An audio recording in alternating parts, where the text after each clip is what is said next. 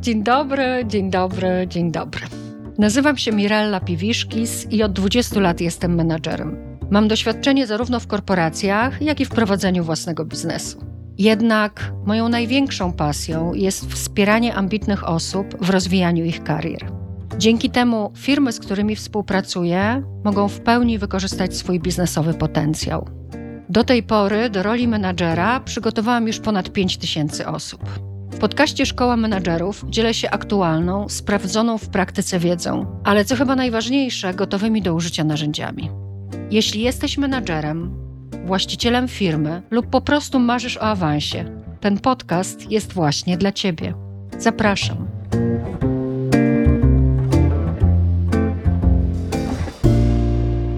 Kilka lat temu, to było jeszcze przed pandemią, Odbyłam wraz z moją business e, development managerką w moim odczuciu bardzo dobre spotkanie z klientem.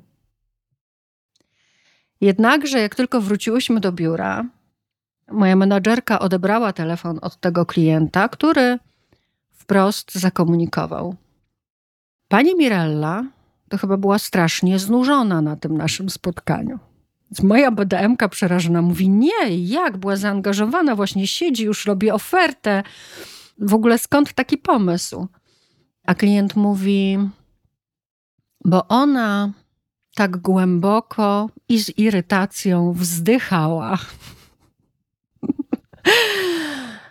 Co się okazało, moi drodzy?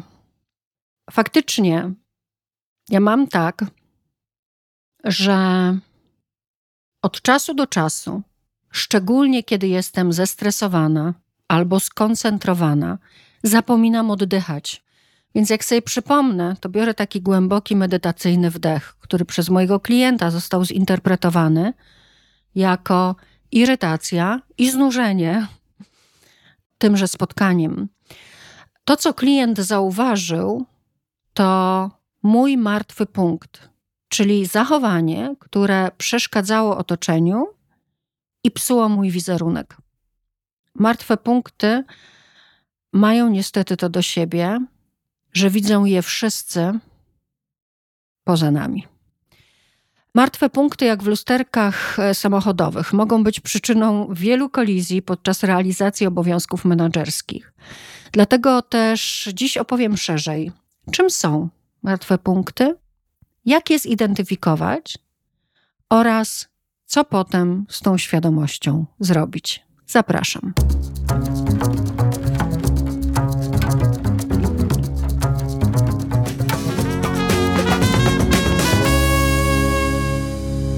Co to takiego są te martwe punkty?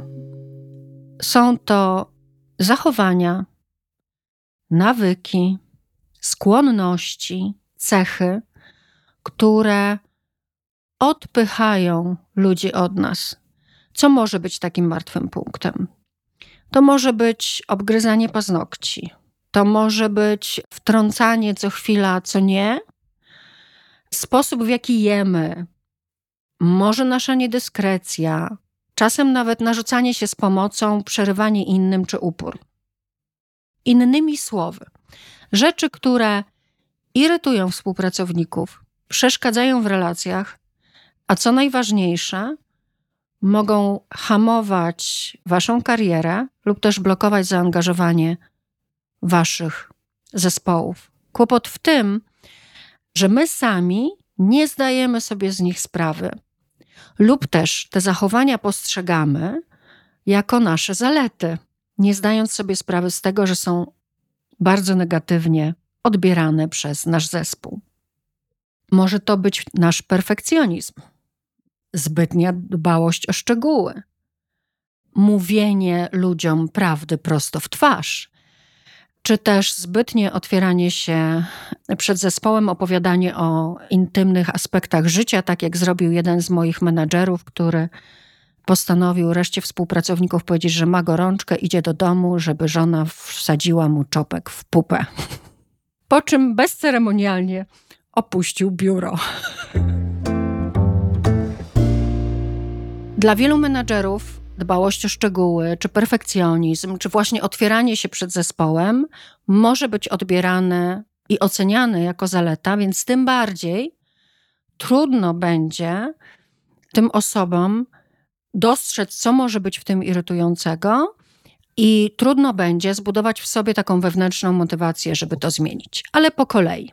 Zacznijmy od tego, jak zidentyfikować swoje martwe punkty. Słuchajcie, w rozbudowanych organizacjach zwykle sięga się po profesjonalne narzędzia, jak choćby ocena 360 stopni. Myślę, że większość z Was wie, czym jest to narzędzie, ale dla porządku opowiem. Ocena 360 stopni to jest anonimowa ewaluacja, anonimowa ocena naszej pracy, naszych postaw, naszej efektywności, naszych zachowań, która jest dokonywana przez różne osoby. Czyli nie tylko przez naszych przełożonych, ale również przez współpracowników, podwładnych, czasem klientów, czasem również zaprasza się do 360 dostawców i jest to faktycznie bardzo skuteczne narzędzie odkrywania tego, co może przeszkadzać innym w naszym codziennym funkcjonowaniu. I taką ocenę 360 stopni w wielu korporacjach się przeprowadza raz do roku, ale okazuje się, że również po to narzędzie sięgają duże organizacje, które raczej nie widzą siebie jako, jako organizacje o kulturze korporacyjnej, chociażby Netflix. I tak wyobraźcie sobie, że Reed Hastings, CEO Netflixa, w 2019 roku, właśnie po takiej 360, napisał, wystosował taką notatkę, nie wiem jak to nazwać, do wszystkich swoich pracowników, gdzie dokładnie opisał, jakie były zarzuty wobec niego i również poinformował, że jest mu niezwykle niezręcznie, iż w ten sposób się zachowuje i dołoży wszelkich starań, aby to zmienić. Co to było? Pewnie jesteście ciekawi. Czego u swojego CEO nie lubią pracownicy Netflixa, a w Netflixie przecież wszyscy są szczęśliwi. Otóż Rick Hastings spotkał się z taką informacją na temat swoich martwych punktów. Na spotkaniach często pomijasz tematy lub z nimi się spieszysz. Gdy jesteś zniecierpliwiony lub uznasz, że dany temat w agendzie nie jest już wart czasu. Podobnie skracasz debaty, sugerując, że doszliśmy do porozumienia, podczas gdy to nie jest prawda. I nad tą informacją CEO Netflixa od 2019 roku pracuje. Jednak 360 stopni to jest naprawdę drogie narzędzie. Nie każdą małą czy średnią firmę na to stać. Poza tym, zwykle w dużych organizacjach o przeprowadzeniu 360 decydują HR-y albo najwyższa kadra menedżerska, decydują się ją przeprowadzić w całej organizacji. Wobec tego, ty jako team leader czy menadżer średniego szczebla możesz nie mieć siły sprawczej, żeby takie badanie wewnątrz swojego zespołu przeprowadzić. W związku z czym, co zamiast tego? Bezkosztowe, a również działające. Pierwsze, co mogę Wam doradzić, to abyście spytali się swoich bliskich, nawet poza organizacją, rodzinę, przyjaciół. Możecie poprosić ich o to, aby wypisali takie zachowania, które są dla nich w Was irytujące. Dlaczego to może mieć przełożenie na pracę? Ponieważ martwe punkty najczęściej drażnią wszystkich albo większość. I teraz, słuchając tych, którzy mają z nami nawet takie prywatne kontakty, możemy odkryć pewne zachowania, które również powielamy w organizacji. Ale tutaj uwaga, nie koncentrujcie się na pojedynczych zjawiskach, na martwych punktach, które wymieniła tylko jedna osoba. Zwróćcie uwagę na te, które się powtarzają, bo prawdopodobnie to one właśnie są waszymi martwymi punktami. To, co ja stosowałam kiedyś e, w swojej organizacji, to pudełka zapożyczone od metody SSC, czyli Start, Stop, Continue. Ustawiłam e, w miejscu dostępnym dla wszystkich pudełka ze swoim imieniem oraz opisane właśnie w ten sposób. Pudełko Start. Co powinnam zacząć robić, aby Wam się lepiej pracowało? Pudełko Stop. Co powinnam przestać robić, aby Wam się lepiej pracowało? I na końcu continue. Co chcielibyście, abym kontynuowała, ponieważ to powoduje, że dobrze Wam się pracuje w tej organizacji. No i teraz zobaczcie, to jest o tyle skuteczne, że są też rzeczy pozytywne. Tak? Czyli wyjmując karteczki, do których wrzucają pracownicy swoje informacje dla Was, dostajecie informacje o tym, co jest dobrego. Możecie dostać pomysły dotyczące tego, o jakie spektrum zachowań e, zwiększyć swoje aktywności menedżerskie. I tylko w jednym z pudełek są martwe punkty, więc to jest też bezpieczne dla Was emocjonalnie, jak również bezpieczne dla pracowników. No, oczywiście najlepszym jest, aby poprosić pracowników o feedback wprost. I teraz no jest to niezmiernie trudne. Niezmiernie trudne dlatego, że jeśli menadżer spyta swojego pracownika, słuchaj, co ci we mnie nie odpowiada, albo co robię takiego, że cię irytuje, no to większość pracowników, nawet jeżeli jesteście blisko i macie do siebie wzajemne zaufanie, może czuć się niekomfortowo, żeby, żeby powiedzieć ci na przykład, że przerywasz wypowiedzi moje, albo jesteś za szybki w kończeniu spotkań. To jest taka informacja zwrotna, którą ja otrzymałam od swoich pracowników, kiedy zapytałam o to w następujący sposób. Gdybym miała zmienić jedną rzecz w swoim zachowaniu, która wpłynęłaby na to, że Wam pracowałoby się lepiej, to co by to było? No i okazało się, że gdybym nie dążyła tak szybko do zakończenia spotkań i nie rozłączała się na Teamsach albo Zoomie, jak tylko ktoś powie, no to do widzenia. Bo okazuje się, że potem przypominają się jeszcze inne sprawy, o których chcemy porozmawiać. I spójrzcie na to, bardzo drobna rzecz, którą łatwo zmienić. I ja za chwilę Wam opowiem o trzech rodzajach martwych punktów, e, które to wymiary ja sobie prywatnie sama określiłam, jeśli chodzi o łatwość i szybkość likwidowania martwych punktów. Natomiast chcę jeszcze powiedzieć o jednej rzeczy a propos tego feedbacku negatywnego. Jest to oczywiście niekomfortowe dla Waszych podwładnych, żeby powiedzieć menadżerowi coś negatywnego. Lepiej właśnie zapytać tak, jak ja zapytałam o jedną rzecz, którą mogłabym zmienić. Ale również będzie to trudne bardzo dla Was. Z jakiego powodu? Słuchajcie, uznaje się, że jedną z najtrudniejszych rzeczy, którą człowiek może przeżyć, to jest żałoba która ma cztery etapy. Najpierw jest wyparcie, potem jest złość, potem jest smutek, potem jest akceptacja. No i teraz, jakby porównać to z feedbackiem, to ja nie wiem, czy to jest najtrudniejsze, ponieważ przy feedbacku najpierw jest wyparcie, dokładnie tak samo jak w żałobie. A potem, oprócz złości i smutku, pojawia się jeszcze poczucie wstydu, zażenowanie, obniżenie poczucia własnej wartości, rodzi się postawa obronna, więc tych uczuć negatywnych i trudnych jest cała masa. To jest chaos, z którym bardzo trudno sobie poradzić.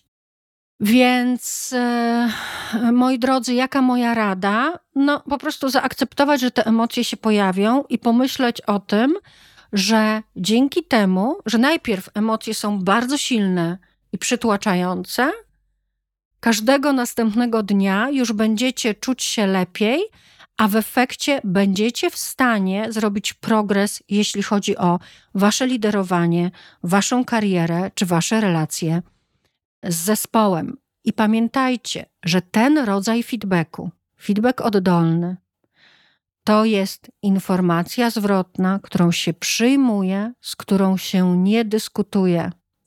Nawet jeżeli czujecie się totalnie niezrozumieni, jeżeli interpretacja ludzi, tak jak przy moim oddechu, była kompletnie nietrafiona, bo nie o to chodzi, to zawsze jest to informacja o tym, co może blokować komunikację i współpracę. W związku z czym należy powiedzieć: Usłyszałam, dziękuję. Jeżeli musicie to przemyśleć, powiedzcie: Muszę to przemyśleć. Jeżeli nie wiecie jeszcze, co z tym zrobicie, powiedzcie: OK, zastanowię się nad tym i wrócę do ciebie czy do was z informacją, jakie zmiany jestem gotowa, jestem gotowy wprowadzić. To jest bardzo ważne, żeby na tym feedbacku się nie zakończyło. Musi być nasza reakcja, musi być informacja, co my z tym zrobimy. I na przykład e, Kim Scott, ta od e, radykalnej szczerości, otrzymała taką informację, że przerywa, że wchodzi w słowo, że ucina dyskusję. Ha, trochę tak jak ja, może też zrobię taką karierę kiedyś. W każdym razie ona postanowiła, że będzie nosiła na ręce gumkę recepturkę, kiedy będzie wchodziła na spotkanie. I jak zacznie przerywać, to każdy dowolny pracownik ma obowiązek oraz prawo strzelić z tej gumki recepturki, tak żeby ją zabolało, jako sygnał tego, że, że przerywa, że nie słucha, a jak ktoś mówi, to nie słucha. Więc poprosiła również swój zespół o wsparcie. Dlaczego? Dlatego, że tak jak powiedziałam, są trzy drogi do zmiany martwych punktów, a właściwie trzy kategorie martwych punktów, jeśli chodzi o to, jak można łatwo i szybko je zmienić. Przy czym od razu chcę powiedzieć, identyfikacja martwych punktów i zaakceptowanie tego, że to jest moim martwym punktem, jest dużo trudniejsze niż zmiana. Więc jak już będziecie wiedzieć co i uznacie, że nie, że ktoś ma rację, bo nie może on mieć racji w tym, że coś go irytuje albo nie. Jego to po prostu irytuje. Więc jeśli uznacie, że jest to warte zmiany, to zmiana już nie zabiera tyle energii, stresu i nie daje tylu negatywnych emocji. Więc e, pierwsza grupa martwych punktów to te, które właściwie można zmienić od razu, jak tylko człowiek sobie je uświadomi. To może być uwaga dotycząca naszego wyglądu, łupież, brzydki zapach z ust czy ubrania. I słuchajcie, ja miałam kiedyś menadżerkę, niezwykłą ekspertkę, naprawdę fantastyczną też współpracownicę. Natomiast osobę, która dość nieadekwatnie ubierała się do swojego wysokiego stanowiska, ponieważ była dyrektorem finansowym. Natomiast uwielbiała duże dekolty i krótkie spódniczki. I efekt tego był taki, że, że zarząd czy dyrektorzy unikali zapraszania ją na spotkania z osobami z zewnątrz, z decydentami, z klientami. No ale były takie momenty, w których na przykład trzeba było pójść do banku, żeby, żeby otrzymać e, kredyt obrotowy, i tam dyrektor finansowa była niezbędna. W związku z czym prezes poprosił menadżerkę o to, aby przyszła w garniturze Ona stwierdziła, że nie ma czegoś takiego w swojej garderobie, więc on delikatnie ją poprosił, żeby jednak kupiła. I przyszła. Garnitur składał się z marynarki i krótkich spodenek. Nie żartuję. I teraz, czy to była jej wina? Nie. Nie otrzymała wprost feedbacku nieadekwatnie do sytuacji i nieadekwatnie do stanowiska ubierasz się. Tylko była pewnego rodzaju sugestia, która i tak źle się skończyła. W związku z czym faktycznie, kiedy przeprowadziliśmy z nią rozmowę i powiedzieliśmy wprost, że jest piękną kobietą, bardzo atrakcyjną i fantastycznie się ubiera, jednak wprowadzamy pewne zasady. I te zasady wyglądają w ten sposób, że ma być koszula, mały dekolt, mało biżuterii i tak dalej, to ona była w stanie to zmienić natychmiast. Przyjęła, zaakceptowała, nie było problemu.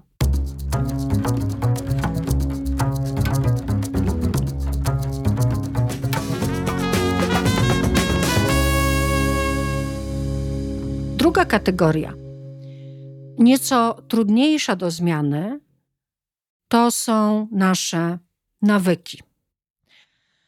Bardzo różne rzeczy. Zaglądanie innym w ekran monitora, na przykład. Robimy to nieświadomie. Albo tak zwane uleganie efektowi olśnienia, tak się to nazywa w psychologii, czyli kończenie za innych zdania albo też ktoś, kto pije kawę siorbiąc. Bardzo różne rzeczy, które są nawykowe, no i oczywiście nawyki trudniej jest zmienić niż wdzianko. W związku z czym tutaj można poprosić, tak jak Kim Scott, pracowników, współpracowników o wsparcie, żeby zwracali uwagę, kiedy korzystamy z tego swojego nawyku, który jest nieakceptowany przez zespół. Czyli jeżeli na przykład naszym nawykiem jest mówienie, gadulstwo i opowiadanie o prywatnych sprawach, przez co odciągamy ludzi od pracy, no to poprosić, aby dawali znak, sygnał, że to nie jest dobry moment, aby opowiadać o tym, co z Zalando właśnie przyszło na adres firmowy. Z czasem sami będziecie się łapać na tym i zanim otworzycie usta, to już skorygujecie własne zachowanie. Trzecia kategoria martwych punktów to są martwe punkty, które można zmienić jedynie poprzez rozwijanie pewnych umiejętności, zdobywanie pewnych umiejętności, których nie mamy. I to już jest faktycznie dłuższy proces e, i trudniejszy. Na przykład, możemy być szefem, który jest wymagający, bardzo zorientowany na zadanie. Mamy zadaniowy tryb e, zarządzania, w związku z czym nie dajemy feedbacku, a jak dajemy, to głównie negatywny. Taki szef, dowiadując się, że jego martwym punktem jest e, zbyt częste krytykowanie, może nauczyć się dawać feedback pozytywny. Osoba zamknięta na dialog może zacząć nauczyć się dopuszczać opinie innych. Szef, który ma przeświadczenie, że zjadł wszystkie rozumy i że ostatecznie to on powinien podjąć decyzję, może nauczyć się angażować ludzi w proces decyzyjny.